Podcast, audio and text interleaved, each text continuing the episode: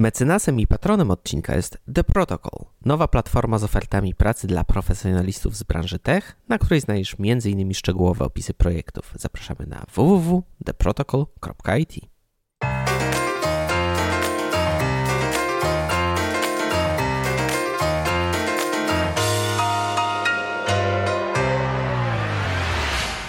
Cześć, to jest podcast Nie Tylko Design, a ja nazywam się Tomasz Skórski. W tym podcaście rozmawiam od 6 lat o projektowaniu, cyfrowych produktach i o różnych aspektach designu. Dzisiaj w 35. odcinku moimi gościniami są Ania Tylikowska i Agnieszka Zwolińska, projektantki, badaczki, liderki, mentorki, wykładowczynie.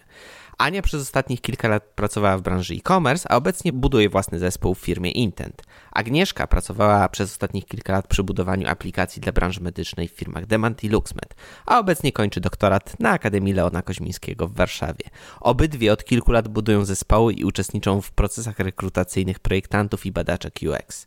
Głównym tematem naszej dzisiejszej rozmowy będzie szukanie i znajdowanie pracy w branży User Experience. Porozmawiamy o tym, jak można zostać osobą od UX-a i ile czasu na to potrzeba, jak się uczyć, a także jak wykorzystać swoje poprzednie doświadczenie w nowym obszarze. Dyskutujemy też o świadomym czytaniu ogłoszeń, tworzeniu CV i budowaniu własnego portfolio. Wreszcie podyskutujemy też o niuansach rozmowy rekrutacyjnej. W naszej rozmowie pada sporo dodatkowych informacji, które są zebrane w notatkach do tego odcinka razem z zapisem do całej naszej rozmowy. Całość dostępna jest pod adresem nietylko.design ukośnik 035. A teraz nie przedłużając, miłego słuchania. Cześć, to jest podcast Nie Tylko Design, a ja nazywam się Tomasz Skórski. Dziś moimi gościniami są Ania Tylikowska. Cześć. I Agnieszka Zwolińska. Cześć. Słuchajcie, ostatni raz nagrywałem odcinek o szukaniu pracy mniej więcej 4-5 lat temu i e, wtedy to wszystko wyglądało zupełnie inaczej. Teraz mamy dużo różnych kursów, teraz mamy różne podcasty, są setki ogłoszeń o pracę.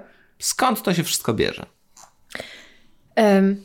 Na pewno rośnie zapotrzebowanie e, na specjalistów i specjalistki UX e, w firmach. E, wydaje mi się, że to dlatego, że po prostu rośnie świadomość tego, czym jest projektowanie doświadczeń i firmy chcą mieć takich specjalistów u siebie. Z drugiej strony UX jest czasami postrzegany jako łatwa ścieżka wejścia do branży IT, ponieważ e, w przeciwieństwie na przykład do programowania nie trzeba tam znać specjalistycznych programów, narzędzi, języków i wydaje się niesłusznie, ale że jest to najłatwiejsza ścieżka. No dobra, to wobec tego, jak zostać UX-em i ile czasu na to potrzeba? Są nam potrzebne dwie podstawowe e, rzeczy. Pierwsza to edukacja, wiedza, merytoryka i druga część to zdobywanie doświadczenia praktycznego, praca przy projektach. W jaki sposób możemy w takim razie podejść do tego, jak zostać UX-em? Zapytałam o to dziewczyny ze swojego zespołu, które podzieliły się ze mną kilkoma krokami.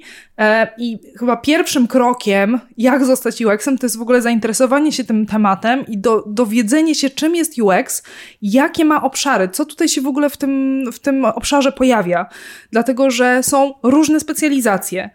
E, jeżeli chcesz zostać UX-em, zacznij obserwować społeczność projektantów, e, obserwuj różne grupy na Facebooku, e, w różnych innych miejscach, zobacz jakie są webinary, czytaj blogi, powoli, a systematycznie po prostu buduj swój warsztat. Słuchaj podcastów. Między innymi. Warto jest też cóż, no, myśleć krytycznie, obserwować, jak działają wybrane produkty cyfrowe, e, co jest w nich fajnego, co jest e, słabego, co warto by było po prostu usprawnić, mieć w sobie taką wrażliwość na to, jak to po prostu działa. Mm, no i potem chyba próba sięgnięcia do tego, żeby wejść do tej społeczności, poszukać jakiejś przyjaznej duszy, e, można skorzystać z pomocy mentora mm, i w ten sposób próbować odnaleźć się w tym środowisku, w, w, tym, w tym dosyć szerokim też e, miejscu, dlatego że tych specjalizacji, właśnie elementów, które powinniśmy wiedzieć, jest dosyć dużo. No i ostatnia rzecz to jest ta próba zrobienia jakiegoś pierwszego mini projektu, żeby w ogóle sprawdzić w praktyce, czy to czuję. Czy wzięcie udziału w jakimś e, hackatonie, czy w, nie wiem, miejskim serwis designie, opracowanie jakiegoś konceptu. Istotne jest to, żeby po prostu zacząć działać, zobaczyć, z czym to się je i być może wyznaczyć sobie na przykład deadline na jakiś pierwszy projekt i zastanowić się, ok, no to co ja w takim razie powinnam zrobić do tego, żeby pierwszy raz w praktyce zderzyć się z tym, co z tym UX-em jest po prostu związane. No, no właśnie, Ania, tak naszkicowałaś, tak, jak, w jaki sposób kształtować tą wrażliwość, jak wymyślić ten, jak, jak zrobić ten pierwszy projekt, ale jak się uczyć, jak zdobywać wiedzę na ten temat? To ja oddam pałeczkę Agnieszce w takim razie. um, Więc oczywiście sposób zdobywania wiedzy y, zależy od naszych preferencji, od naszego backgroundu, od doświadczenia, jakie mamy wcześniej. E, ale ja bym powiedziała, że należy zacząć zdobywać wiedzę od darmowych źródeł. Czyli w momencie, kiedy jeszcze nie wiemy, czy to jest branża dla nas, no to nie warto inwestować e, większych pieniędzy, tylko po prostu przekonać się. E, I dużo jest darmowej wiedzy w, w internecie. E, są różnego rodzaju kursy online, mniej lub bardziej płatne.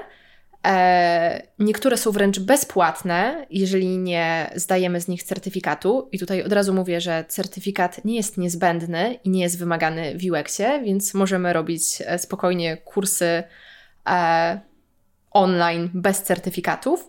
Mm, dużo jest wiedzy na różnego rodzaju blogach.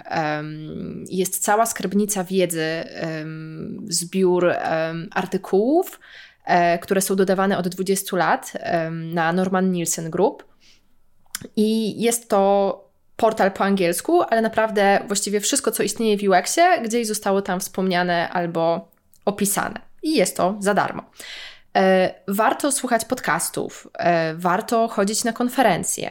I to też nie warto zaczynać od drogich konferencji e, branżowych, z którymi możemy zaczekać do zatrudnienia, kiedy pracodawca nam za nie zapłaci, ale poszukać tych tańszych czy węższych konferencji. Tak? Na pewno tańsze będą konferencje online niż te stacjonarne. Meetupy też są jakąś opcją. Tak, był, był swego czasu było dużo inicjatyw, e, które dzieliły się darmową wiedzą na meetupach typu Ladies Vet UX, TP UX, tak, to są chyba te dwa, które, które pamiętam. Teraz ja teraz mogę wymienić na przykład How to Product, w którym jest bardzo często bardzo ciekawe e, webinary czy wystąpienia.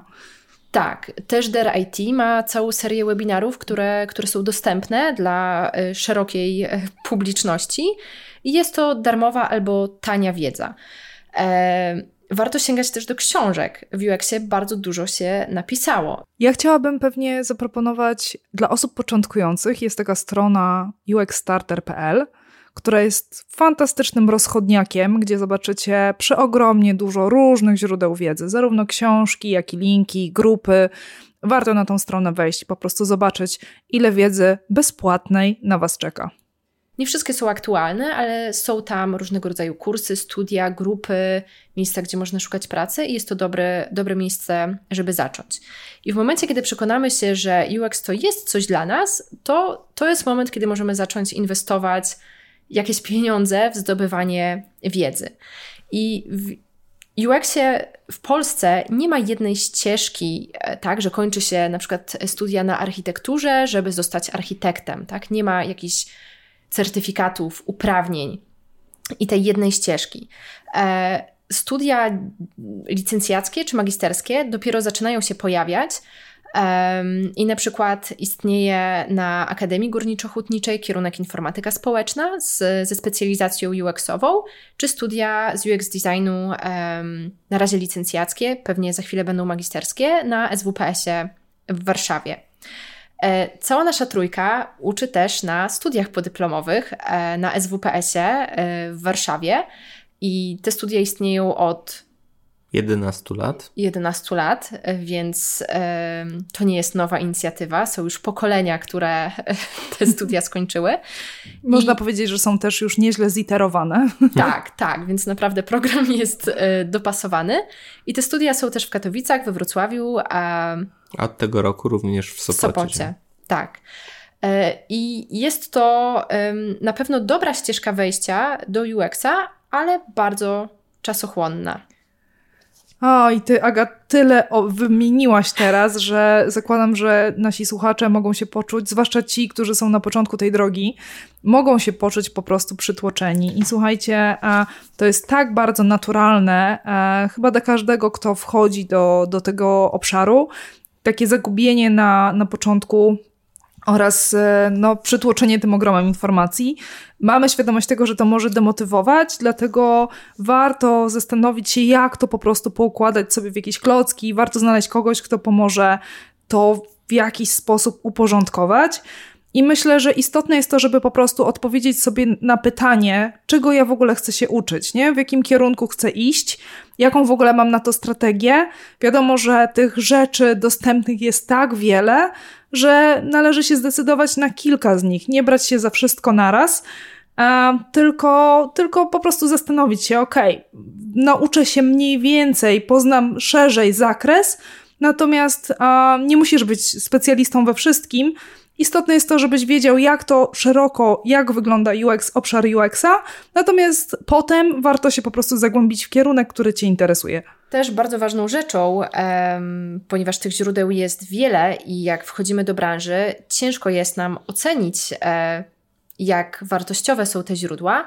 Warto jest.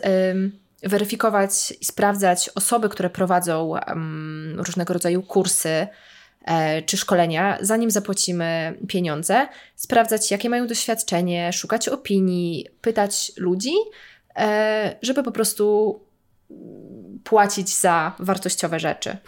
Zwracając też uwagę na źródła wiedzy w internecie, zwłaszcza te płatne, Warto sprawdzić też, y, co osoby prowadzące czy twórcy tych kursów nam obiecują. I powinna się y, Wam zapalić czerwona lampka, jeżeli jest to dwudniowy czy trzydniowy kurs i ktoś obiecuje, że y, zostaniecie po tym UX-em.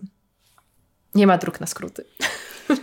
No niestety nie. Aga, to wspomniałaś o różnych źródłach wiedzy, to ja jeszcze poruszę temat tego, w jaki sposób się uczyć, bo jedna rzecz to to, że my zbieramy dużo wiedzy z różnych linków, ale musimy w jakiś sposób się zapoznać z tą wiedzą, a co ważne, nie tylko czytanie, ale potem ją w jakiś sposób utrwalić. Więc gromadzenie samej wiedzy, pamiętajcie, że nie zadziała. To, że będę miała zapisane ileś linków, to nie zadziała, jeśli nie pokryjemy tego po prostu praktyką. Istotne jest to, jak regularnie pracujemy, a w jaki sposób utrwalamy swoją wiedzę. I teraz wiem, że niektóre osoby wolą uczyć się samodzielnie. E, wtedy zachęcam do tego, żeby skorzystać z jakiegoś wsparcia, zwłaszcza na początku, kiedy poczujecie, że okej, okay, warto, żeby ktoś z zewnątrz, może bardziej doświadczony, wskazał Wam, w jakim kierunku iść, które źródła są wartościowe. Ewentualnie mm, to jest taki moment, kiedy dostaniemy takie spojrzenie z boku. Jest to naprawdę niezwykle cenne. No i e, osoby, które z kolei potrzebują jakiejś zewnętrznej motywacji, tutaj mogą sięgnąć sobie po różnego rodzaju właśnie studia, mm, po wsparcie w postaci bardziej ustrukturyzowanych elementów wiedzy, form wiedzy. Ze swojej strony chciałabym podkreślić to, że studia to jest ogromna inwestycja nie tylko pieniędzy, ale też czasu. To wymaga naprawdę dużo e, czasu, żeby nie dość, że uczestniczyć w zajęciach, to opracowywać po godzinach razem z grupą swój projekt. Dlatego też, jeżeli nie jesteście do końca przekonani, że UX to jest faktycznie ścieżka dla Was, warto skorzystać z może trochę krótszego kursu, nie wiem, 8-6 tygodniowego bootcampu, żeby w ogóle przekonać się, czy ten UX to jest faktycznie ścieżka dla Was, czy to jest coś, co Was kręci, co Was interesuje. Te bootcampy często są równie drogie jak studia podyplomowe i organizują dużo, ale no na pewno taką formą, którą można e, sprawdzić, są właśnie krótsze formy e, kursów online. Natomiast, jak najbardziej. Natomiast warto też zwrócić uwagę, a właściwie myśleć o tym, żeby w przypadku dalszego zainteresowania nie poprzestać na tym. Dwudniowy czy trzydniowy kurs to jest dobry pomysł na start i rozpoczęcie swojej drogi, natomiast nie można, jak część osób robi, kończyć na tym dwu czy trzydniowym kursie, bo to nie jest wystarczająco dużo, aby móc siebie tytułować UX. Znaczy, można się oczywiście tak tytułować, natomiast y, w procesach rekrutacyjnych bardzo często nie zostanie to potraktowane poważnie. To ja jeszcze może podsumuję e, z takiego mojego doświadczenia, e, co wa- od czego warto zacząć, jak w ogóle wchodzimy do branży UX, od czego zacząć zdobywanie wiedzy. Na pewno nie będziemy mieć od razu praktycznego doświadczenia. Więc warto na początek poznać e, podstawowe pojęcia, e, co to jest user experience, co to jest UI design, e, jakie są procesy w UX-ie, co to jest user-centered design, co to jest design thinking, jak to się różni od design sprintu i tutaj widzę, że się śmiejecie, ale faktycznie warto rozumieć, że to, że w UX-ie nie ma jednego procesu, tylko są różne i znać pojęcia typu service design, i mówię e, design thinking. Mm, warto e, poznawać przynajmniej w teorii różne mm, narzędzia badawcze, żeby przynajmniej w teorii wiedzieć, w którym momencie możemy je wykorzystać, bo to, bo to jest tak, że w pracy e, nie musimy mieć doświadczenia w w wykorzystaniu wszystkich metod i narzędzi, będziemy uczyć się tego w pracy, ale ta sama świadomość, że coś takiego istnieje i możemy się tego, do tego sięgnąć i szybko nauczyć, to już jest dużo, więc taka znajomość nawet teoretyczna też pomaga. Na pewno warto ćwiczyć uzasadnienie swoich decyzji um, projektowych. Um, i, I w ogóle argumentację, i, krytyczne i myślenie. I projektować w bardziej refleksyjny sposób, czyli tak. w przypadku każdej rzeczy, którą badamy, czy każdą, każdą rzecz, którą projektujemy, mieć świadomość, dlaczego ten krok świadomie wykonujemy. Tak. I na pewno warto e, nauczyć się podstaw prototypowania w jakimś narzędziu, bo osoby początkujące w UX-ie często zaczynają po prostu od robienia makiet, e, ale nie fiksować się na tym, że musimy być e, mistrzyniami Figmy czy innego sketcha, e, albo zastanawiać się, czy Axure jest gorszy od e, Adobe XD, tylko wybrać jakieś jedno, poznać podstawy i później mieć możliwość szybkiego douczenia się kolejnych rzeczy. Słuchajcie, wspominałyście o tym, że właśnie część osób y, nie zaczyna swojej kariery od bycia y, specjalistą UX, tylko ma już jakieś wcześniejsze doświadczenia. Jak można wykorzystać swoje poprzednie doświadczenia i swoje poprzednie prace e, przy wyborze ścieżki specjalizacji, przy szukaniu pracy jako user experience designer? I w ogóle, jakie były też Wasze drogi do UX-a? O, Agnieszka, chcesz zacząć, czy ja pierwsza? Zaczynaj. Okej. Okay. No dobrze, to ja w takim razie. Um, moja kariera i moja ścieżka zaczęła się w marketingu. Ja x lat temu, kilkanaście lat temu, pracowałam w dziale marketingu, gdzie po pierwsze opiekowałam się obszarem badań marketingowych, więc, e, więc projektowałam różnego rodzaju badania. Nie były to badania user experience, były to badania marketingowe, a jednocześnie miałam okazję pracować w zespole digitalowym, który opiekował się stronami internetowymi. E, stąd to były moje pierwsze kroki. Ja w ogóle nie miałam świadomości, że jest coś takiego jak UX. E, I dopiero po kilku latach odkryłam, że to, co, co szkicowałam sobie gdzieś w jakimś notatniku, albo to, w jaki sposób planowałam badania, to jest coś, co mi się składa na kompetencje UX designera. Więc e, naturalnym krokiem dla mnie było to, żeby, wiadomo, ja też starałam się być, zostać juniorem, juniorem, E, otrzymywałam informację, nie, no słuchaj, no masz za słabe portfolio e, i w, poszłam też x lat temu na studia, żeby w jakiś sposób ułożyć swoją wiedzę o UX-ie. Równocześnie robiłam różnego rodzaju kursy, no i finalnie pracowałam i rozpoczęłam pracę jako badaczka po iluś doświadczeniach także związanym z odrzuceniem. Także to mi się przydarzało. Jak u ciebie, Agnieszka? No ja mam podobne doświadczenie. Też zmieniałam branżę. Też UX to nie była moja pierwsza praca, ponieważ e, skończyłam finanse i etnologię i zaczęłam pracę w badaniach jakościowych, w badaniach rynku. I e, po paroletnim doświadczeniu w tej branży odkryłam istnienie branży UX – i zaczęłam szukać pracy jako badaczka UX. E, niestety kilka lat temu, kiedy zaczynałam szukać, nie było takich ofert pracy dla, dla badaczy. Były prace dla projektantów, więc wymyśliłam sobie, że koniecznie muszę się nauczyć projektować. I e, jednak wykorzystałam to doświadczenie, które miałam jako, jako badaczka, i faktycznie okazało się, że jest to moja jakaś mocna karta przetargowa, i zostałam zatrudniona właśnie dlatego, że e, poszłam na staż do agencji interaktywnej, do działu UX, gdzie zatrudnili mnie dlatego, że wiedzieli, że będę e, umiała robić badania e, i będę uczyć się projektować. I w zasadzie to jest chyba dobra, dobry wniosek dla osób, które chcą się przebranżowić, nawet w miejscu, w którym teraz obecnie jesteście zastanówcie się, czy jest coś, co możecie już e, zacząć robić, czy już możecie tutaj gdzieś w tym miejscu, w którym jesteście, czy jesteście w stanie, nie wiem, stworzyć jakieś badania, albo zastanowić się nad tym, jak wygląda strona internetowa, czy możecie wykorzystać to miejsce do tego, żeby w jakiś sposób właśnie już tutaj zdobyć jakieś pierwsze doświadczenia. Warto na pewno się zastanowić e, nad tym, do której z tych specjalności, o których mówiłyśmy, jest e, nam najbliżej. Czyli jeżeli mamy doświadczenie jako e, na przykład graficzka, no to UI design wydaje się naturalną ścieżką. Jeżeli ktoś tworzył e, teksty, umie pisać i to obojętnie, czy pracował e, w content designie, czy tworzył jakieś teksty do social mediów, to dużo łatwiej będzie mu wejść w ścieżkę UX writingową. I znam osoby, które mają doświadczenie w pisaniu, a mimo to wymyślają sobie, że będą UX designerem, kiedy jest to trochę robienie sobie pod górkę, kiedy naprawdę dużo łatwiej jest wejść w to, co jest bliżej dla tych osób.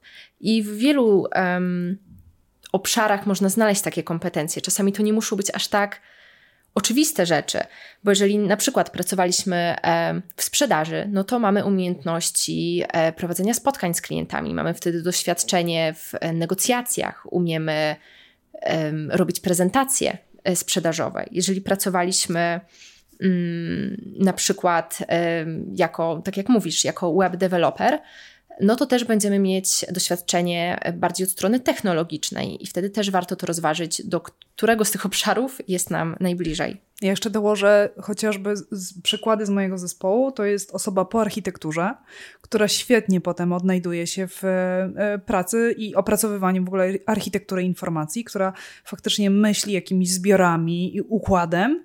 E, osoba, która chociażby jeszcze z działu... Właśnie, są jeszcze osoby, które przechodzą do obszaru UX, już pracując w dziale IT, na jakichś innych stanowiskach typu tester, typu PM. I tutaj też ta znajomość w ogóle, chociażby nawet słownictwa i tego, w jaki sposób pracuje się w dziale IT, jest niezwykle pomocna przy tym, żeby, żeby odnaleźć się w obszarze UX. Mm, warto chyba więc czytać te ogłoszenia w taki sposób, ogłoszenia o pracę yy, i trochę próbując sobie zmapować, czy coś z tego my robiliśmy już w jakimś naszym doświadczeniu poprzednim, zawodowym, tylko po prostu nazywaliśmy to w inny sposób. Dokładnie. Czy według Was warto korzystać z mentoringów? No, według mnie z, pewno, z pewnością. E, w ogóle teraz mam wrażenie, że na rynku mamy ogromny wykwit takich e, inicjatyw, zarówno programów, jak i można szukać e, mentora, żeby spotykać się jeden na jeden. I może ja wspomnę po prostu o tym, jak, jakiego rodzaju w ogóle, czego można oczekiwać od mentoringu, bo to myślę, że to jest istotne. Po pierwsze, na pewno ten moment, kiedy dopada nas to przytłoczenie i tego jest bardzo, bardzo dużo, warto jest porozmawiać z kimś, kto powie nam, w jakim kierunku iść, w jaki sposób w ogóle pracować na tych swoich kompetencjach, to będzie taki mentoring, powiedziałabym, rozwojowy, nie? że ktoś przyjdzie i powie: Słuchaj, jest to, to i to. E, co Ciebie interesuje? Przeprowadzi nas przez takie myślenie: OK, to w którym kierunku ja mogę iść? Innym typem mentoringu nazwałabym to takie zbieranie feedbacku projektowego, czyli jeżeli ja pracuję nad wyszlifowaniem, doszlifowaniem jakichś umiejętności praktycznych, e, nie wiem, opracowuję jakieś prototypy w Figmie i chciałabym mieć kogoś, kto spojrzy po prostu z boku i powie, hej, można robić to lepiej w ten i w ten sposób, no to tutaj mielibyśmy taki taki mentoring czy zbieranie feedbacku projektowego i takie wsparcie, bardzo cenne wsparcie i spojrzenie kogoś z boku, no i ostatnia chyba część to jest taki mentoring motywacyjny, no bo mając tak wiele rzeczy do, do nauczenia się, tak naprawdę tych, tych elementów jest bardzo, bardzo dużo, to też nie jest trudno stracić motywację. Więc e, z tego względu takie regularne spotkania z grupą czy jeden na jeden pomagają nam tą, tą motywację po prostu podtrzymać. Co myślisz, Aga? No, ja mam doświadczenie po dwóch stronach, bo parę lat temu byłam, sama byłam mentee w programie Mentors for Starters, kiedy zaczynałam swoją karierę UX-ową. I moja mentorka nie była UX-em, była w zarządzie jednego z banków i faktycznie bardzo mi pomogła ustrukturyzować sobie myślenie o mojej karierze jako UX. Bardzo rozszerzyła mi to myślenie i kazała wyjść jakby z myśleniem poza najbliższe dwa lata, tylko zadawała mi pytania e, trochę i gdzie się chcę znaleźć, no nie wiem, za 5 czy 10 lat i naprawdę bardzo mi to otworzyło oczy. I chyba z tego właśnie powodu, że miałam takie pozytywne doświadczenia e, jako mentee, sama, sama w tym momencie mentoruję e, w kilku różnych programach. I tych programów w UX jest faktycznie, i w ogóle sposobów na mentoring w UX jest e, kilka, co najmniej. Przede wszystkim UX to jest bardzo otwarta branża, gdzie ludzie chcą się dzielić wiedzą.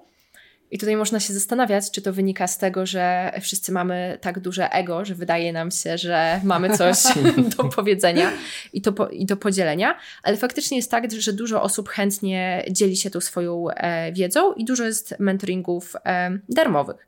No i tutaj z konkretnych programów mogę wymienić e, na przykład inicjatywy Der IT, jest to mentoring skierowany do kobiet w obszarze IT i są tam też mentorki z obszaru UX. Jest też inicjatywa Tech Leaders, która robi dokładnie to samo. Też pomaga wejść kobietom do IT. Ale jest też na przykład program płatny, ponieważ tamte poprzednie są albo mało płatne, albo bezpłatne. I jest płatny mentoring design mentorship, gdzie na różnym poziomie zaawansowania można zaaplikować do konkretnego mentora. Mentor e, czy mentorka e, wybiera sobie podopieczną czy podopiecznego i wtedy można pracować nad konkretnymi rzeczami.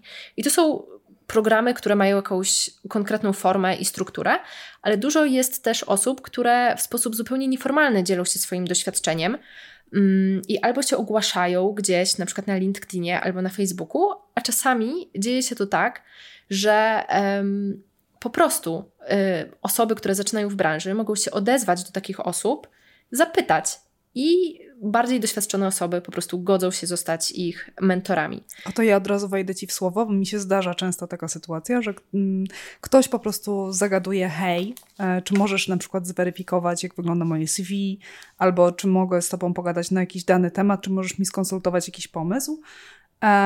I nawet jeżeli ja mam taką sytuację, że nie jestem w stanie tej osobie pomóc, to też a, staram się nie zostawiać jej z niczym, dlatego że po drugiej stronie znam też osoby, które już w branży działają i być może będę w stanie skontaktować kogoś, kto taki, taką pomoc właśnie chciałby komuś zaoferować, tak po prostu z samego swojej, swojej potrzeby po prostu rozwijania innych osób i przekazania pałeczki. Także myślę, że warto się odzywać do osób e, i po prostu odważnie zapytać o to, czy można by było poprosić o jakąś konsultację lub o mentoring. Tak, no ja też mam wiele przypadków osób, które się do mnie na różnych etapach odzywały e, z prośbą e, o konsultację, o sprawdzenie CV, o jakieś doradzenie w portfolio. I częściej tym wielu, wielu osobom pomagałam, e, poświęcając po prostu swój czas. E, w tym momencie e, zdecydowałam się robić to odpłatnie na platformie SuperPeer i wiem, że takich osób jest e, więcej. Tutaj może podlinkujemy później konkretne osoby. Ogólnie rzecz biorąc, wszystkie te serwisy i te źródła, o których mówimy, pod, podlinkujemy w notatkach do tego odcinka. Ale też w grupie, którą z Tomkiem moderujemy na Facebooku, Product and UX Design.pl. Dokładnie tak. Jest zakładka mentoring i tam zgłosiło się naprawdę wiele osób z dużym doświadczeniem, które nieodpłatnie mają czas i przestrzeń zostać czyjąś mentorką albo mentorem. I tutaj chyba jeszcze warto wspomnieć o mentoringu, że mentoring to nie jest tylko mm, jakieś takie ukierunkowanie i powiedzenie, pokazanie palcem, czego trzeba się nauczyć. Jest, czasami to są bardzo miękkie rzeczy, takie jak podzielenie się swoim doświadczeniem, czy jakaś nawet dodanie komuś pewności siebie i powiedzenie: OK, już umiesz, możesz zacząć aplikować gdzieś do pracy to jeszcze dorzucę tutaj radę od jednej z projektantek z mojego zespołu, która z kolei jeszcze powiedziała tak właśnie drugą stronę. Pamiętaj, że mentoring to są konsultacje, ale najważniejsza jest, e, najważniejsze jest to, że to od ciebie zależy, jaki będzie efekt, nie? Czyli ile ty z tego wyciągniesz, bo jedna, jedna rzecz to jest właśnie to, że mam konsultację z jakąś osobą, która może się ze mną dzielić, ale to od ciebie, tak jakby nikt za ciebie nie zrobi tej pracy. E, musisz czymś przyjść po to, żeby, żeby po prostu e, wyjść z jakimś efektem. Często zdarza się tak, że ten mentoring jest też dla części e, projektantów czy badaczy jakimś takim naturalnym krokiem, aby prędzej czy później zostać team leadem i bądź seniorem na, w, swojej, w swojej roli. Mm, zastanawiam się natomiast, bo ja mam jakieś przemyślenia z tym związane, ile według Was potrzeba czasu, aby stać się dobrym specjalistą, dobrą specjalistką? Kiedy pojawia się ta dojrzałość i to seniority? Pozwólcie, że jeszcze doprecyzuję, e, że, że jeszcze doprecyzuję e, to pytanie. Według raportu o branży UX, który razem z Asią Rutkowską i z Igą Ścichowską wykonujemy od 9 lat, w ubiegłych latach mieliśmy często do czynienia z taką sytuacją, że osoby, które mają dwa lata doświadczenia zawodowego, określali się jako seniorzy bądź jako e, osoby rozpoznawalne w branży. Dlatego podczas opracowywania ostatniej wersji tego raportu przyjęliśmy, przyjęliśmy pewne założenie, że jako że jako seniorów określamy osoby z co najmniej pięcioletnim bądź większym doświadczeniem. Wiadomo, że jest to nie, niedoskonała miara, ale w przypadku branży nowych technologii, które i w przypadku branży UX, która w Polsce nie jest jeszcze ciągle tak dramatycznie mocno osadzona, to jest jakaś cezura, która, po, która pozwala stwierdzić faktycznie, ile, ile, ile tych lat jest. Natomiast wiem, że to nie jest takie oczywiste. Jaki jest Wasz pogląd na to? To może ja to podejmę. Ja zgadzam się, że może senior to osoba, która w raporcie było 5 lat doświadczenia, to osoba z doświadczeniem seniorskim i myślę, że to może dotyczyć sytuacji, kiedy mamy osobę w takim kontekście, to jest moja pierwsza praca, ja faktycznie od pięciu lat pracuję w tym zawodzie, ale jednocześnie to jest pewnie trudniejsze do zmierzenia i to jest bardzo indywidualna kwestia e, w momencie, kiedy mamy osobę, która się przebranżowiła. Dlatego, że ta osoba myślę, że może się znaleźć szybciej na, na ścieżce seniorskiej, ze względu na to, że ona już ma pewne kompetencje, o których wcześniej wspominałyśmy, i tak naprawdę teraz będzie potrzebowała uzupełnić swój warsztat, uzupełnić pewne braki, e, więc myślę, że do tego seniority może dojść trochę szybciej. Z jednej strony tak, a z drugiej strony, jeżeli Nie. ktoś zaczął, jeżeli ktoś ma dwa lata w branży UX e, i ma w CV, że jest seniorem, to co najmniej budzi to moje wątpliwości i wtedy po prostu sprawdzam taką osobę bardziej. I zdarzyło mi się gdzieś obserwować osoby, które na przykład po dwuletnim doświadczeniu, jakby z dwuletnim doświadczeniem w UX-ie wpisywały sobie stanowisko Head of UX e, i sprawdzałam takie osoby. Okazywało się na przykład, że taka osoba jest jednoosobowym zespołem UX, tak naprawdę nikim nie zarządza i jest po prostu pierwszym UX-em w firmie, więc ten tytuł nic nie znaczył. Okej, okay, to myślę, że w ogóle powinniśmy zacząć od e, definicji w ogóle, czym jest takie seniority. Ja mogę się podzielić tym, jak to jest dla mnie.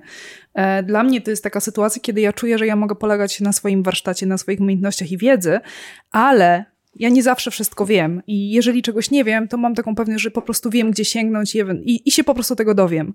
I podrzucę od razu przykład ze swojej perspektywy. Kiedy ja pracowałam trzy lata w marketplace, dosyć znanym, E, to czuję, że te trzy lata zrobiły swoje i naprawdę czuję się dobrze w e-commerce, ale gdybym miała teraz przebiec, e, zmienić bardzo mocno branżę, nie wiem, na fintech, którego kompletnie nie znam, czy healthcare, czy gaming, tam jest zupełnie inny użytkownik, bardzo trudny i dla mnie zupełnie nie, nieznany, to to, na czym będę mogła polegać, czuję, że to jest ta dojrzałość projektowa, to jest to, że, że wiem, jaką mam znajomość metod i procesu, branża jest niezgłębiona, ale będę też wiedziała, w jaki sposób próbować się w niej odnaleźć. Tak, no tutaj zgadzam się z Tobą z tym, że doświadcze, jeżeli ktoś ma doświadczenie jako UX w jednej branży, to nie znaczy, że będzie seniorem w drugiej. I jedna z firm, e, w której pracowałam i w której uczestniczyłam w procesach rekrutacyjnych, była zasada, że to była branża medyczna, że nie zatrudnialiśmy osoby e, na stanowisko seniorskie, która nie miała doświadczenia wcześniej e, w branży medycznej. Czyli mogłaś mieć nawet i 10 lat w e-commerce jako UX, ale nie znałaś się na branży medycznej, więc i tak byłaś zatrudniona jako mid-level mm, specjalistka. Jako regular. tak, jako, jako regular. E, I dopiero po jakimś czasie, jak poznałaś specyfikę da, danej branży, mogłaś zostać e, seniorką. Okej, okay. ja się nie do końca z tym zgadzam, akurat z tym podejściem, żeby nie zatrudniać kogoś na niższe stanowisko, tylko zakładam, że po prostu jeżeli mam ileś tego doświadczenia, to tak naprawdę wejście w nową branżę, po prostu muszę mieć świadomość tego, że ileś czasu wymaga ode mnie to, żeby się tej branży nauczyć, lepiej się przyjrzeć, zwłaszcza w kontekście produktu, lepiej na przykład go poznać i tak dalej, więc to po prostu wymaga ileś czasu, przeskoczenie z branży do branży. No i właśnie, jeszcze jeden element, to, to też jest kwestia tego seniority inaczej będziemy mieć, tak jakby inny rodzaj, model, nie wiem, seniora. Będziemy mieć, kiedy ktoś będzie pracował 10 lat w danym zawodzie w jednej firmie, na jednym produkcie, a co innego, kiedy będziemy mieć na przykład osobę też z y, doświadczeniem seniorskim, ale na przykład po 10 latach w agencji czy w software house, bo tutaj w tym momencie będziemy mieć zupełnie inną różnorodność na przykład projektów, różnego rodzaju um, przeskok prze, pomiędzy branżami, a tutaj będziemy mieć specjalisty w danej określonej branży, w danym określonym kontekście. No czyli senior wychodzi, że jest to osoba, która ma za sobą kilka lub kilkanaście wdrożonych projektów, ale też porażek i niewdrożonych projektów. Wiadomo, jak to bywa. Myślę, że to jest wyjątkowo ty, cenne. Tak, i, ty, i ty, tych niewdrożonych zwykle jest więcej, prawda? Ale to też, co dla mnie jest ważne dla osoby, która ma być seniorem, to jest też gotowość i umiejętność brania pod skrzydła juniorów czy stażystów. No właśnie, tak to mm, pytanie o seniority tak dość jasno nas prowadzi też do ogłoszeń o pracę i do takiego dość fundamentalnego pytania: jak szukać pracy i na co zwracać uwagę w ogłoszeniach? No tak, no bo jeżeli chcemy zostać tym seniorem, to na początek musimy od czegoś zacząć. I zostać na przykład juniorem też. Dokładnie.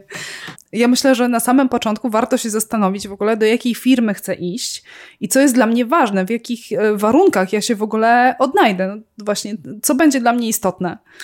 Czyli kim chcę zostać, jak dorosnę. Tak, mniej więcej. E, dobra, co ma do dyspozycji e, potencjalny UX, UX designer czy researcher? E, pierwsza rzecz to jest e, zastanowienie się, w jakim typie organizacji ja w ogóle chcę pracować. Czy ja chcę pracować przy jednym produkcie, gdzie tak naprawdę będę świetnym specjalistą z danego obszaru w jakiejś określonej branży, czy może wolę różnorodność i na przykład chcę iść do agencji konsultingowej, a być może chcę się odnaleźć już mocniej w takim świecie technologii i chcę pracować w software house. Więc mamy różnego rodzaju możliwości. Od razu, o, podrzucę jeszcze jeden temat, kwestię startupów. Agnieszka, chcesz coś powiedzieć tutaj o tym? Ja jeszcze chciałabym y, dodać y, pracę z misją, że to jest sektor A, publiczny oczywiście. i tam to jest naprawdę impact i skala. tak. Ja akurat wspomniałam o startupach z tego względu, że jeżeli jestem juniorem i poszukuję pracy w startupie, to ważne jest to, żeby się zastanowić, e, jak w takim razie ta praca w tym startupie będzie wyglądała, bo jeżeli ja będę jedynym tak zwanym UX ninja, e, to pytanie, jeżeli ja tam wejdę z małym doświadczeniem, to kto mi powie, że popełniam jakieś błędy i kto w ogóle, od kogo będę w stanie się czegoś uczyć. Więc to jest takie pytanie dla osób, które właśnie są na tym etapie i rozważają ewentualną pracę w startupie, że, żeby zastanowić się po prostu, która praca da mi najwięcej satysfakcji i pozwoli mi się po prostu rozwinąć, w którym miejscu się najlepiej odnajdę. Tak, no więc tutaj na pewno w tych ogłoszeniach warto sprawdzić samą firmę, jakiego rodzaju to jest firma. Ba! Jeszcze wracam w takim razie do, do, do tych agencji. Co więcej, niektóre agencje też mają pewne specjalizacje. I tak na przykład w mojej obecnej firmie bardzo mocno pracujemy na, na takim styku połączenia produktu fizycznego i cyfrowego. Są agencje czy software house'y, które się na przykład koncentrują mocno na rozwiązaniach fintechowych. Więc nawet jeżeli się zastanawiamy w, nad kontekstem agencji, nad tym, czy do takiego miejsca na przykład i nauczyć się pracować na wielu różnorodnych projektach, no to warto dowiedzieć się w takim razie, czym dana, da, dane miejsce w ogóle się charakteryzuje, w jaki sposób, jakiego rodzaju projekty tam trafiają. Ja bym tutaj dodała jeszcze parę elementów. Przede wszystkim e, można sprawdzić e, daną firmę i zobaczyć, kto tam pracuje, czy tam w ogóle jest zespół. I oczywiście nie wszyscy mają konta na LinkedInie, ale można zorientować się, czy ktokolwiek tam już pracuje i jakie ma doświadczenie. Mm, warto też e, sprawdzić, o ile to ma dla nas oczywiście znaczenie, jaka jest forma zatrudnienia, czy na przykład są firmy, które proponują tylko um, zatrudnienie na własnej działalności gospodarczej i nie ma tam opcji umowy o pracę. E, więc te wszystkie rzeczy warto rozważyć. Ale ja to powtarzam swoim studentkom i studentom, e, którzy zaczynają gdzieś karierę e, w UX-ie, że warto mieć z tyłu głowy ten profil e, firmy, która jest dla nas ideałem i próbować od początku tam się dostać, ale tak naprawdę na początku e, chyba najlepszą radą jest to, żeby włożyć stopę w drzwi UX-owe, czyli po prostu wejść do branży i dać sobie na przykład pół roku czy rok na pracę gdziekolwiek jako UX, żeby zdobyć doświadczenie i później z rocznym doświadczeniem szukać tej idealnej pracy. No tak, wtedy jest się zupełnie, znaczy jest się o wiele bliżej um, tego mojego celu. Okej, okay, no to e, pytanie Tomku było ogłoszenia o pracę. To jeszcze podrzucę tutaj kilka rzeczy, które na które warto zwrócić w, e, w kontekście tych ogłoszeń. Ba, to nie jest tak naprawdę e, spojrzenie ode mnie, tylko od e, osób z mojego zespołu, które podzieliły się tym, czym na co one zwracały uwagę e, podczas przeglądania ogłoszenia o pracę. I to między innymi jeszcze były takie elementy, jak na przykład, żeby sprawdzić, jaki mamy e, wpisany rodzaj stanowiska, czy to jest tylko UX, czy to jest UX łamany przez research, czy to jest może UX przez UI, a może UI przez UX e, i na tej podstawie zastanowić się, ok, to jakie zadania przede wszystkim będą na mnie czekać. Mm, co więcej, wiem, że dla jeżeli dla mnie istotne jest to, od kogo będę się uczyć, to warto sprawdzić właśnie to, co Agnieszka powiedziałaś przed chwilą, żeby zobaczyć, jaka jest struktura zespołu, próbować się dowiedzieć, w jakiej konfiguracji, jakie są zespoły projektowe. Kto jest jak, twoim szefem. Dokładnie, jak ludzie ze sobą współpracują. E, Ba, wiem, że czasami istotne jest to, ok, dobra, to chcę pracować po polsku czy po angielsku? Czy firma robi międzynarodowe projekty, czy to są projekty, nie wiem, tworzone, nie wiem, na polski rynek, tak? To też ma znaczenie dla, dla niektórych osób. I z samego ogłoszenia da się dużo wyczytać o firmie. E, u mnie zawsze się zapala czerwona lampka na ogłoszenia, które zawierają w sobie wszystko i mają olbrzymie wymagania, że trzeba umieć robić i badania, i projektować, i UI, i prowadzenie warsztatów, i jeszcze analitykę. Absolutnie ninja. E, I jeszcze po angielsku, a najlepiej też w jakimś innym języku, więc UX Unicorn albo UX Ninja. E, więc wtedy warto się przyjrzeć temu ogłoszeniu i sprawdzić. I oczywiście istnieją takie osoby, które mają aż tak szeroki zakres umiejętności, ale one przeważnie są seniorami i odpowiednio e, też e, biorą wysokie wynagrodzenie za swoje umiejętności.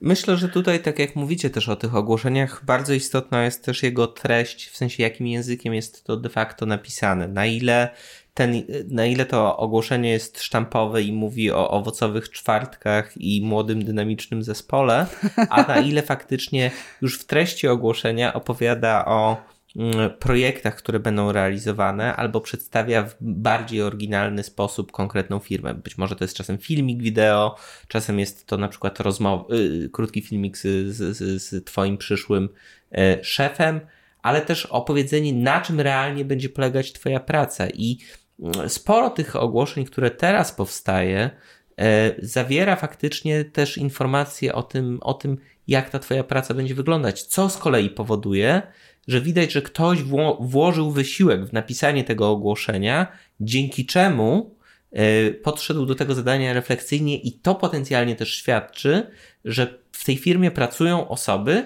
które rozumieją, na czym polega ta praca. Wiesz co, jeszcze Tomek, od razu y, przypomniała mi się jedna rzecz, jak o tym powiedziałeś. W momencie, kiedy ja na przykład zmieniałam pracę i weryfikowałam e, to, do jakiej firmy będę chciała iść, to na przykład szukałam zapisów z różnych konferencji, bo często projektanci z danych firm opowiadają o jakimś case'ie, w jaki sposób do czegoś podchodzili, jak wygląda ich praca w zespole i tak dalej, więc może warto sięgnąć też po jakieś prelekcje, których teraz tak naprawdę mamy multum znowu, ogromna ilość treści w, na YouTubie, e, na filmach, na Facebooku. Znajdźmy ten materiał, gdzie ktoś opowiada, jak tam się pracuje, jeżeli będziemy rozważać właśnie jakieś miejsce. Ja jeszcze ze swojego doświadczenia mogę powiedzieć, ponieważ robię od paru lat w sposób nieustrukturyzowany, a od roku w sposób ustrukturyzowany w newsletterze zbieram oferty pracy UX-owych e, i wysyłam je w newsletterze Ethnoworks i robię naprawdę spory przegląd ogłoszeń o pracę.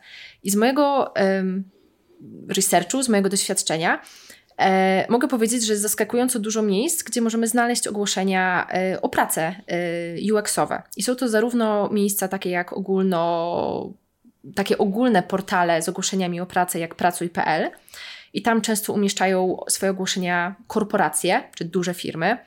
Są też portale y, z ogłoszeniami tylko z branży IT i to jest na przykład y, w Protocol, mm, czy mm, Rocket Jobs, czy Just Join IT, ale też są miejsca, gdzie są ogłoszenia tylko i wyłącznie UX-owe, jak Tomek, Twój e, portal praca uxlabs.pl, gdzie y, mamy wyselekcjonowane tylko z branży UX e, ogłoszenia. Ale też dużo ogłoszeń jest na LinkedInie i tam często um, umieszczają ogłoszenia jakieś międzynarodowe firmy, ale też znajdziemy dużo ogłoszeń na stronach firm, więc warto sobie mapować i śledzić, e, czy tam się coś po prostu pojawia. Jak powiedziałaś o LinkedInie, to jeszcze przypomniała mi się jedna rzecz, że um, widoczne są czasami posty, e, że hej, szukam pracy, mam takie i takie kompetencje i na to, jeżeli jesteśmy gotowi, to też warto się po prostu odważyć, nie? Bo media społecznościowe mogą zdziałać cuda e, i ja tak naprawdę siedząc obok ciebie nie mo mogę na przykład nie wiedzieć, że ty poszukujesz pracy, nie? Więc, e, tak, tak, więc tak. warto po prostu też jasno komunikować, że hej, chcę iść w tym kierunku i szukam pracy w tym obszarze. No dobra, e, słuchajcie, e, w ogłoszeniach o pracę bardzo często pojawia się oczekiwanie związane z portfolio i e, z CV-ką. O CV-ce jeszcze sobie porozmawiamy, ale czy badacze i projektanci potrzebują, i UX writerzy e, potrzebują portfolio? Według raportu UX ostatniej, ostatniej, ostatniej edycji z 2021 roku 70% osób, które brało udział e, w procesach rekrutacyjnych w ciągu ostatnich 12 miesięcy przygotowało na potrzeby procesu e, CV. A czy według Was to jest potrzebne? Mm Ha, to może ja w takim razie podzielę się trochę tym, jak to wygląda z perspektywy osoby, która rekrutuje. I teraz dla mnie samo CV to za mało. To są bardzo skrótowe informacje, gdzie w jakiś ustrukturyzowany sposób dowiaduje się, kim jest dana osoba, gdzie pracowała. To są podstawowe informacje. Natomiast od portfolio, dlaczego ja go w ogóle potrzebuję? Ja potrzebuję się dowiedzieć, jak ta dana osoba myśli, jak pracowała na danym projekcie. I kiedy otrzymuję portfolio, to sprawdzam po pierwsze merytorykę, czyli jak wyglądał proces projektowy w danym e, projekcie, jakie artefakty zostały dostarczone. I patrzę też na drugą część, na taką warstwę komunikacyjną. To znaczy, patrzę, w jaki sposób te projekty zostały opisane, czy na przykład portfolio jest chaotyczne, czy ma pewną strukturę, w jaki sposób jest, jest stworzone. Przyznam, że nie liczy się dla mnie e, forma, w jakiej ją dostarczam. Zdarzyło mi się otrzymywać linki do portfolio na takich dedykowanych stronach. E, zdarzają się też e, portfolio stworzone w postaci, wysłane w postaci prototypu no, w Figmie czy w Akrzurze. E, otrzymuję też czasami prezentację i to jest dla mnie, to, to, każda forma jest ok. Istotne jest to, żeby dowiedzieć się o podstawowych rzeczach, czyli o projekcie, w którym dana osoba brała udział, jaka była jej rola oraz jakie czynności wykonywała. Przynajmniej takie elementy mam w swoim portfolio. E, to dla mnie, jako e, jakby z perspektywy osoby rekrutującej, jednak forma y, portfolio ma trochę znaczenie, bo niektóre. Nie powiedziałam, że nie ma. Ta, tak, tak, tak, ale niektóre dedykowane narzędzia do tworzenia portfolio, zwłaszcza typu Behance czy Dribble, które są ukochane przez y, byłych, byłe graficzki, które zmieniają specjalizację na UX, UI designerów czy designerki, tam nie zawsze jest miejsce na opis, a dla mnie opis jest kluczowy i dla mnie same screeny e, czy makiety to za mało, bo wtedy nie jestem w stanie zorientować się, co ktoś zrobił w tym procesie, mm, dlaczego podjął takie, a nie inne decyzje. Więc dla mnie te artefakty, te, te, ten, ten jakby efekt końcowy procesu myślowego, procesu projektowego E, jest istotny, ale musi być wsparty opisem i uzasadnieniem decyzji, co za tym stoi. Czyli zgadzasz się, chcę wiedzieć, jak dana osoba myśli. Tak, tak, tak. Więc dlatego y, to jest moja osobista preferencja, ale dla mnie, jeżeli ktoś decyduje się na zrobienie dla mnie, y, jakby portfolio zrobione na slajdach jest absolutnie wystarczające. Nie trzeba mieć swojej strony www, nie trzeba e, mieć tego na Behance czy Dribblu, chyba że mamy to też opisane. No i chyba, że aspirujemy do roli UI, UX designera, wtedy bym powiedział, że ta warstwa... UI designera. Na UX designera to będzie dla mnie i tak za mało. To, to, to prawda. Myślę, że warto zwrócić uwagę na jeszcze jedną rzecz, bo mm, Ania, ty wspomniałaś o, e, o procesie projektowym, natomiast y, spotkałem się w przeszłości bardzo często z sytuacją, że projektanci umieszczali bardzo generyczny, bardzo oczywisty, bardzo powtarzalny proces projektowy bez żadnej refleksji, nie wskazując bardzo jasno, jakie czynności w ramach tego procesu wykonują, albo nie mapując tego na konkretne, e, na konkretne projekty, które w ramach portfolio e, opisują. I też e, inna patologia, z którą się dość często spotykam, jest taka, że projektant za wszelką cenę chce upchnąć dużo projektów, dużo przykładów do swojego portfolio, zamiast opisać sensownie te 3-4 najciekawsze, najbardziej wszechstronne, najbardziej wartościowe. Ja bym powiedziała, że na stanowisko juniorskie jeden mocny projekt jest jakby czasami wystarcza. Dwa, trzy to już jest naprawdę w porządku portfolio, że wcale nie trzeba mieć pięciu case'ów w portfolio. E, to, o czym wspomniałeś, e, ty Tomek i wcześniej ty Aniu, Czyli my. Czyli, tak? o, czyli o roli, e, którą e, osoba wysyłająca portfolio miała w tym projekcie. Zdarzyło mi się dostać dwa portfolio, które opisywały ten sam e, proces projektowy. I był to proces projektowy robiony w grupie. I każda z tych osób e, nie napisała tego, że był to projekt grupowy, czyli nie zaznaczyła swojej roli. I było to niewiarygodne wręcz, że każda z tych osób samodzielnie przeprowadziła ten proces, e, więc ważne jest też pisanie o swojej roli w projekcie.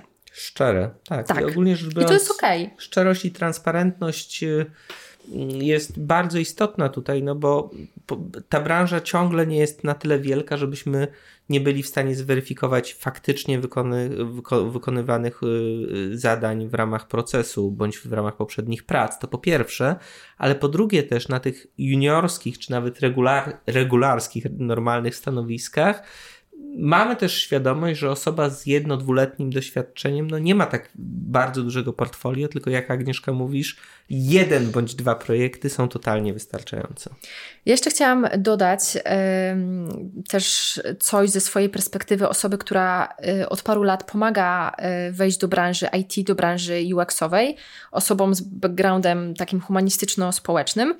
Bardzo często na siłę staramy się dorobić e, jakby nowe projekty, tak? Zrobić jakby od zera projekt do, e, do szuflady specjalnie do portfolio, jeżeli zaczynamy w branży UX. I często po rozmowie z tymi osobami okazuje się, że mają one doświadczenie na przykład w badaniach dla organizacji pozarządowych, albo w badaniach społecznych, albo w badaniach naukowych. I nie myślą o tych projektach badawczych jako o czymś, co może znaleźć się w portfolio. A tak naprawdę są to świetne projekty badawcze, które idealnie pokazują umiejętności badawcze, jeżeli opiszemy je takim językiem, czyli opiszemy proces, opiszemy, dlaczego podejmowałyśmy konkretne decyzje, projektując dane badanie, i to również nadaje się do portfolio. Nie trzeba wtedy zaczynać od zera robić jakiegoś projektu. To jeszcze podrzucę jeden, e, jedną wskazówkę e, odnośnie projektowania portfolio, żeby, i to jest wskazówka od jednej z moich projektantek z zespołu, żeby podejść do tego, e, do tego zadania, jak jak w procesie projektowym. To znaczy, żeby zebrać feedback, kiedy stworzycie już portfolio, zbierzcie feedback, pokażcie to komuś i iterujcie. Generalnie po, podpatrujcie najlepsze e, portfolio, łapcie, czerpcie z benchmarków e, i, i poprawiajcie. Nie bójcie się po prostu pytać o opinię i zastanawiać się, jak to odbiera inna strona. I e, last but not least, e, znam case'y osób, które e, bardzo długo nie zaczynają wysyłać CV, bo nie mają portfolio i kończą kolejny projekt do portfolio i rzeźbią to portfolio. Portfolio zrobione jest lepsze niż portfolio idealne. Absolutnie tak. No właśnie, słuchajcie, sporo powiedzieliśmy już o samym portfolio, natomiast y, istotną częścią, o którym ty, Ania, trochę wspominałaś, jest też CV. Zanim weszliśmy na antenę i zaczym, zanim zaczęliśmy rozmawiać z włączonym y, mikrofonem, y, rozmawialiśmy sporo o problemach, jakie się wiążą z samym CV. Ach, i jest tego tak, sporo. Tak, to jest szeroki temat i jeden z moich ulubionych, jeżeli chodzi o wchodzenie do branży. Naprawdę nie wiem, czy nie będę się z tobą spierać, kto ma tutaj zacząć, bo ja też mam kilka punktów, które chciałabym na pewno to poruszyć. Okej, okay, dzięki. E, Okej, okay, to w takim razie zaczynamy. CV.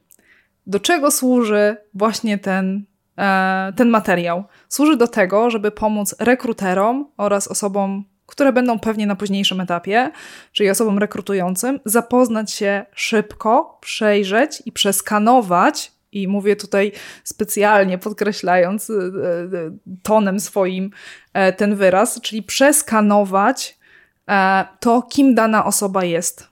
CV powinno pomóc mi podjąć szybko decyzję, czy dana osoba faktycznie powinna do mnie przyjść na rozmowę, czy chcę poprosić ją o wykonanie zadania, czy to jest ten kandydat, którego ja szukam.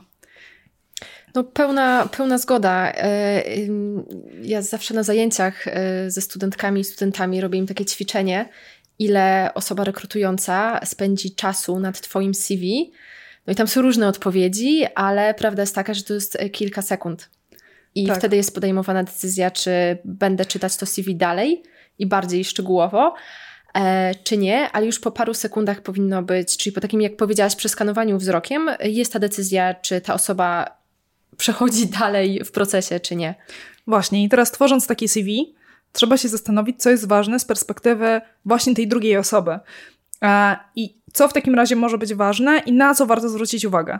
Po pierwsze, wiadomo, merytoryka, czyli wykazujemy się, jakie mamy doświadczenie zawodowe, jakie za nami stoją, e, jak, jakie za nami stoi wykształcenie, jakie kompetencje. Ale nie mniej istotna jest cała warstwa tekstowa, odpowiednio skomponowane treści w odpowiedniej kolejności. E, no i ostatnia rzecz to forma. I ta forma bardzo często dużo nam mówi, zwłaszcza gdy mówimy o UX-ie.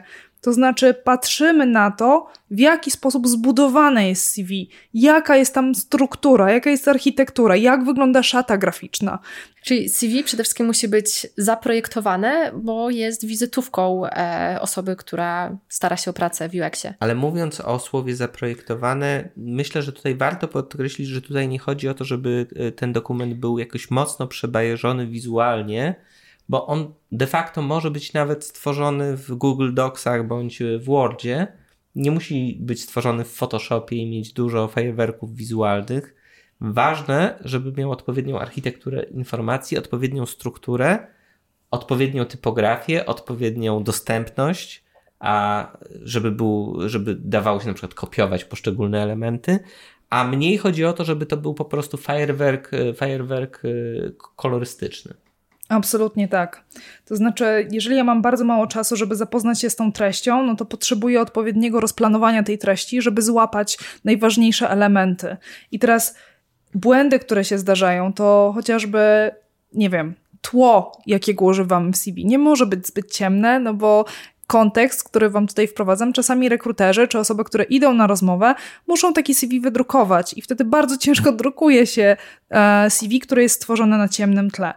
E, linki do portfolio. Zdarzyło mi się spotykać takie CV-ki, gdzie nie mieliśmy, e, nie, nie był podany link wprost, tylko linki były podpięte pod jakieś ikonki. I teraz właśnie, jeżeli ktoś tego nie zauważy, jeżeli nie dostanę tego na tacy, to, to w ogóle pominę tak naprawdę e, jakże istotny e, materiał, z którym też powinnam się zapoznać, że on w ogóle jest. I tutaj ci się pozwolisz, że wetnę od razu. Tego typu linki do portfolio warto przez skracacze URL typu tinyurl.com bądź inny tego typu e, wykorzystać, żeby mieć też własną prywatną analitykę, kiedy na przykład y, ten dokument, do którego linkujesz, y, został otworzony, czy w ogóle został otworzony, jak ta druga strona też się przygotowała do tego, albo ile osób na przykład i kiedy to zobaczyło. Tak. I jeszcze jedno, chyba najważniejsze, najważniejsza rzecz dla mnie, to jest rozplanowanie treści w kontekście, nie wiem, wymieniam sobie swoje obowiązki e, i mam na przykład 10 bulletów. I teraz pytanie, czy ja faktycznie potrzebuję aż tyle rzeczy wymienić, może powinnam wymienić najważniejsze, które będą się liczyły w kontekście danego stanowiska. Co więcej, jeżeli ja piszę ciągiem jakieś treści, to co jest faktycznie, które słowo jest istotne, a które może niekoniecznie. No i ostatnia rzecz, formatowanie tej treści, czyli może warto jest pogrubić najważniejsze słowa, klucze, które dla mnie będą istotne właśnie przy tym nie czytaniu całości treści CV, tylko przy skanowaniu. No, e, zgadzam się. Na pewno w CV nie może, zwłaszcza jak mamy, jak zmieniamy branżę i mamy więcej tego doświadczenia, to na pewno nie piszemy tam wszystkiego całego naszego doświadczenia, nie wiem, z 15 lat pracy, e, tylko piszemy to, co jest ważne z perspektywy danego stanowiska, na które, mm, czy rodzaju stanowisk, na które aplikujemy. I co prawda y, panuje mit, że CV powinno mieścić się na jednej stronie. Nie powinno, ale też. Y, nie musi. Nie musi, ale 4 czy 5 stron to jest zdecydowanie za dużo. I warto na pewno e, jakby wejść w buty osoby, która będzie czytać e, to nasze CV, czyli to będzie pewnie osoba z działu HR i osoba z działu UX. I e, nie zawsze jest oczywiste połączenie, jak doświadczenie z jednej branży ma się do UX-a, i czasami warto to po prostu wyjaśnić. I jedna z moich mentees um, zastosowała świetny zabieg, E, pokazując jakie doświadczenie z obszaru um, social media, gdzie tworzyła treści, e, miała tam paroletnie doświadczenie, przyda się w obszarze UX. Ona po prostu napisała dwa, trzy zdania podsumowania, mówiąc, czego się tam nauczyła i jak te umiejętności przydadzą jej się w UX-ie taki element, e, czyli opisanie takiego profilu zawodowego tak. jest bardzo przydatne, żeby w jakiś sposób po prostu sobie zamapować, hej, dobra, to jest taka osoba, ona w tym kierunku idzie, będzie mi do tego pasować, do, do tego stanowiska, na które rekrutuję lub nie. Tak, no w ogóle też e, w CV ja zawsze nakłaniam osoby, e, którym gdzieś pomagam pisać CV i też dobrze to postrzegam, jak sama rekrutuję, które mają taki profil zawodowy, takie podsumowanie, mhm. takie kim jestem albo kim chcę być, i o co mi w ogóle chodzi. Sama piguła. Tak. Ja jeszcze patrząc na CV zwracam uwagę na ostatnią, tą najświeższą pracę i de facto oczekuję, żeby ta ostatnia praca jako najświeższe doświadczenie e, było mm, też jakoś nieco głębiej opisane, ale to wiem, że to jest, że nie wszyscy zwracają uwagę na takie rzeczy. Natomiast jeszcze rzeczą, która jest dla mnie bardzo wartościowa, to są aktywności bezpośrednio pozazawodowe, czyli co robię poza poza pracą. Ja akurat nie zwracam uwagi na, e, uwagi na to miejsce, akurat na hobby. E, ale to może dlatego, że ale weryfikuje nie, nie, dopasowanie osób chyba na rozmowie kwalifikacyjnej już bardziej. Ale, ale, wiesz co, nie mówię tylko i wyłącznie o hobby, mówię też o działalności mhm. takiej pozazawodowej, czyli na przykład udział w jakichś różnego rodzaju spotkaniach. E... Czy dana osoba robi, czy jest interesującą osobą, czy umie opowiedzieć jakoś o swoim hobby, czy ma jakąś zajawkę w tym, w tym sensie czasami czy, czy, ja też sięgam do tych pytań. I wolontariaty, wiesz, to chodzi też trochę o wolontariaty. Co robię w, w moim życiu poza pracą? Na ile mam to zbalansowane? Mi zdarza się zadawać złośliwe pytania na rozmowach kwalifikacyjnych. O, już przechodzimy do rozmów. A, dobra, dobra, dobra. E, ale Nie, to ale jest, jest, dotyczy punktu e, właśnie hobby. Jeżeli ktoś e, pisze takie bardzo ogólne hobby, bo czasami ktoś nie ma hobby i po prostu jest to ok. Jeżeli ktoś w swoim hobby pisze, że interesuje się książkami, muzyką i sportem, to lubię zadać mu złośliwe pytanie, co ostatnio czytał. I tym samym przeszliśmy do rozmowy kwalifikacyjnej. No właśnie, słuchajcie, mamy zaproszenie na rozmowę i co dalej? Jak przygotować się do tej rozmowy? Jak się dobrze, no, użyć takiego brzydkiego słowa, sprzedać? sprzedać. Ja bym namawiała bardziej do tego, żeby po prostu dobrze wypaść na rozmowie, nie potrzebuję sprzedaży. Chciałabym zawsze mieć kandydatów, którzy są najbardziej naturalni i szczerzy, chociaż z drugiej strony wiem, że nie zawsze tak jest. Stres zżera, no i plus wiadomo, osobie po drugiej stronie zależy na tym, żeby dostać pracę. Nawet my nagraliśmy to ostatnie pytanie pięć razy, więc coś też o stresie, stresie wiem. Dokładnie. E no dobrze, no to ja znowu trochę od swojej strony e, powiem Wam, na co ja zwracam uwagę, kiedy na taką rozmowę idę po pierwsze, sprawdzam te takie kompetencje twarde, czyli staram się zweryfikować to, o czym przeczytałam w CV i o czym przeczytałam, przeczytałam w portfolio. To znaczy, chcę się upewnić, że osoba, z którą rozmawiam, faktycznie zna się na rzeczy. I też te elementy, które poruszała w CV czy w portfolio, ona wie, w jaki sposób o nich mówić, wie, w jaki sposób stosować dane narzędzia, wie, w jaki sposób do jakiegoś problemu projektowego podejść. Więc to jest jedna rzecz, czyli sprawdzam kompetencje praktyczne, takie twarde, ale druga rzecz to kompetencje miękkie. I tutaj w ten temat wchodzi cały obszar związany z tym, czy dana osoba będzie pasowała do zespołu, jeśli potrzebuje takiej osoby, która będzie współpracować z zespołem. Jeżeli potrzebuję bardziej samodzielnej osoby, to sprawdzam, czy ona ma tak, tak zwany ownership, czyli to jest taka osoba, która, która pewnie sobie poradzi e, i, i przebrnie przez projekt samodzielnie, odpowiedzialnie itd., tak itd., tak jeżeli szukam uzupełnienia kompetencji mojego zespołu o jakąś poszczególną cechę, e, to też weryfikuję te elementy, więc istotne jest to, zawsze się zastanawiam, kogo tak naprawdę szukam, ale nie tylko właśnie jeżeli chodzi o kompetencje twarde, ale też o takie elementy miękkie. Czy ta osoba mówi chętnie i otwarcie, czy będzie się dzielić wiedzą, czy z kolei jest jakoś bardzo jest to typ analityczny i czy faktycznie ja te, wtedy tego potrzebuję. E, w jaki sposób się komunikuje, w jaki sposób buduje zdania. E, warto pamiętać, że rozmowa to zazwyczaj jest godzina, to jest niewiele czasu, więc e, dla mnie istotnym elementem jest to, że kiedy pada pytanie, to sprawdzam, w jaki sposób osoba po drugiej stronie buduje zdania, buduje strukturę, żeby przekazać no, najważniejsze rzeczy, tą samą esencję tego, z czym ona przyszła, co sobą reprezentuje, co może zaproponować. No i na pewno taką rozmowę warto przećwiczyć i e, po prostu się do niej przygotować. I są takie klasyki pytań na rozmowach rekrutacyjnych UX-owych, e, które w różnych wariantach, ale powtarzają się zawsze. Takim klasykiem jest pytanie na przykład opowiedz o swoim ostatnim projekcie, albo opowiedz o projekcie, z którego jesteś dumna, albo opowiedz, nie wiem, o jakimś ostatnim e, projekcie. W czym jesteś dobry? Tak. Czy, co, czego, co ci nie leży? To też... Mm... W czym chcesz się rozwijać, w czym się specjalizujesz.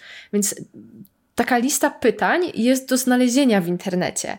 I tutaj podając e, konkrety, istnieje od, e, istnieje taka lista pytań. Jest to wpis na blogu Uxerii, którą, e, który przygotował Igor Farafonow. I tam jest lista około 50 pytań, jak przygotować się do rozmowy UX. I warto przed rozmową przemyśleć sobie w głowie odpowiedzi na te pytania, bo jest duże prawdopodobieństwo, że te pytania się pojawią. Broń Boże, nie uczyć się odpowiedzi na pamięć. Nie, nie, absolutnie nie, ale wiedzieć na przykład, o którym projekcie chcemy opowiedzieć. Tak, i mieć strukturę tak. pod dane pytanie. I też przećwiczyć na przykład opowiadanie o tym po polsku i po angielsku. E, Tomek, ty nagrałeś, oczywiście nie pamiętam, jakie, które to są numery odcinków, ale pamiętam, że były podcasty e, z Maćkiem Saganowskim i z Igorem Farafonowem, gdzie również rozmawialiście o rekrutacji UX-ów i tam również pojawiały się rzeczy, na co oni zwracają uwagę w rekrutacji. Więc na pewno warto to wszystko um, przećwiczyć. Jest jeszcze jedna rzecz, taki moment, kiedy finiszujemy ten czas pytania się o różne rzeczy kandydata. Ja jestem też zawsze ciekawa, o co dany kandydat zapyta nas. Jeżeli widzę, że na zadane pytanie, czy masz jakieś pytania do nas, chcesz się czegoś dowiedzieć, i kandydat mówi, nie, w sumie to nie wiem i nie mam, tak, no to jest, to jest zły znak, zwłaszcza u UX-a, który powinien umieć zadawać też niewygodne pytania. Y, do, dowiedzenie się tak naprawdę, w jakim zespole też będę pracował, z kim będę pracował, z iloma osobami będę pracował, do kogo y, mam raportować, y, z jakimi osobami będę współpracował najczęściej spoza mojego zespołu, to są, nie, jakie są najpopularniejsze czynności, jakie mam wykonywać, to jest też taki evergreen, taki stały zestaw pytań, które powinniśmy zadawać bez względu na to, na jaką pozycję aplikujemy. Do tego stałego zestawu pytań teraz wchodzi pytanie na przykład, w jaki sposób zespół pracuje zdalnie albo na przykład hybrydowo i jakie są rytuały w zespole, żeby faktycznie ten zespół był zespołem. Absolutnie, to, jest, to na to totalnie trzeba zwrócić uwagę. Natomiast chciałbym jeszcze y, poruszyć jedną rzecz, która nie padła. Prostym ćwiczeniem, które warto wykonać, jest spojrzenie na e, stronę internetową i zobaczenie, jakie produkty oferuje konkretna firma, jakie, jakie są nazwy tych produktów, jakie są nazwy usług, zerknięcie też na LinkedIn e, i na inne potencjalnie portale branżowe pod kątem tego, co ta firma ciekawego zrobiła w ostatnim czasie, żeby móc używać tego samego słownictwa i rozumieć to samo słownictwo, e, które ta druga strona przedstawia. No i to na pewno jest dobrze odbierane, przynajmniej ja to zawsze dobrze odbieram, jak osoba wie coś o firmie i też potrafi w związku z tym zadać jakieś pytania i czasami nawet challenge'ować osoby rekrutujące, bo czasami nie ma tych odpowiedzi, ale jest to dobrze e, postrzegane, że po prostu osoba się przygotowała.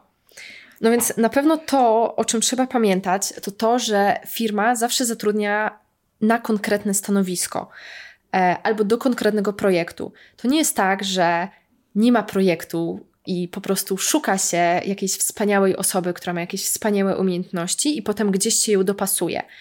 E, jest tak, że firma potrzebuje osoby z konkretnymi umiejętnościami. I to nie jest tak, że jak odpadamy z rekrutacji, to że my się nie nadajemy na to stanowisko, tylko przeważnie po prostu firma wymaga zupełnie innych kompetencji. I to nie znaczy, że my nigdy nie dostaniemy pracy w UX-ie, bo odpadamy, nie wiem, z kolejnych rekrutacji, tylko po prostu, że to prawdopodobnie nie jest miejsce mm, dla nas i trzeba po prostu szukać dalej. Bo prawdopodobnie ta osoba, która rekrutowała, szukała kogoś innego, na in, miała inne potrzeby związane właśnie z danym kontekstem, z danym projektem. Nie zawsze my idealnie pasujemy, pomimo że nasze kompetencje są ok. I warto też y, w ramach tego niwelowania poczucia porażki, no bo siłą rzeczy to poczucie porażki się będzie pojawiać w momencie, kiedy konkretnej oferty pracy nie dostaniemy, jest aplikować na wiele do wielu ofert jednocześnie. Jedna, jedna bliska mi osoba nauczyła mnie tego właśnie, że myśląc o, myśląc o procesie rekrutacyjnym, kiedy mamy więcej niż jedną, jedną rekrutację, w której uczestniczymy, dużo łatwiej jest zaakceptować, że w konkretnej roli. Być może się do niej nie nadawaliśmy, ale przecież mamy jeszcze dwie czy trzy inne e, rekrutacje w odwodzie. I to też zmienia naszą pozycję negocjacyjną. Jeżeli mamy, nie wiem, jesteśmy w trzech procesach rekrutacyjnych i mamy już jedną ofertę złożoną, która może nie jest idealna, ale już jakaś jest, to też inaczej będziemy negocjować warunki zatrudnienia w tych innych ofertach. A ja myślę, że warto jeszcze dodać na sam koniec to, że tak naprawdę każda, z każdą rozmową będzie nam łatwiej mówić o sobie, będzie nam łatwiej prezentować swoje doświadczenie i z każdą rozmową będziemy mieć po prostu o wiele więcej doświadczenia także w tym obszarze. Więc warto się nie zniechęcać, tylko traktować też to jako pewną naukę, że jest jakaś nowa rzecz, która, którą mogłem poznać. poznać. Myślę, że to jest bardzo dobra puenta. Dziękuję Wam bardzo. Moimi gościniami była Agnieszka Zwolińska i Ania Tylikowska. Dzięki wielkie. I to już wszystko na dzisiaj. Zapis całej rozmowy oraz notatki do odcinka dostępne są na stronie nietylko.design ukośnik 035. Do usłyszenia niebawem.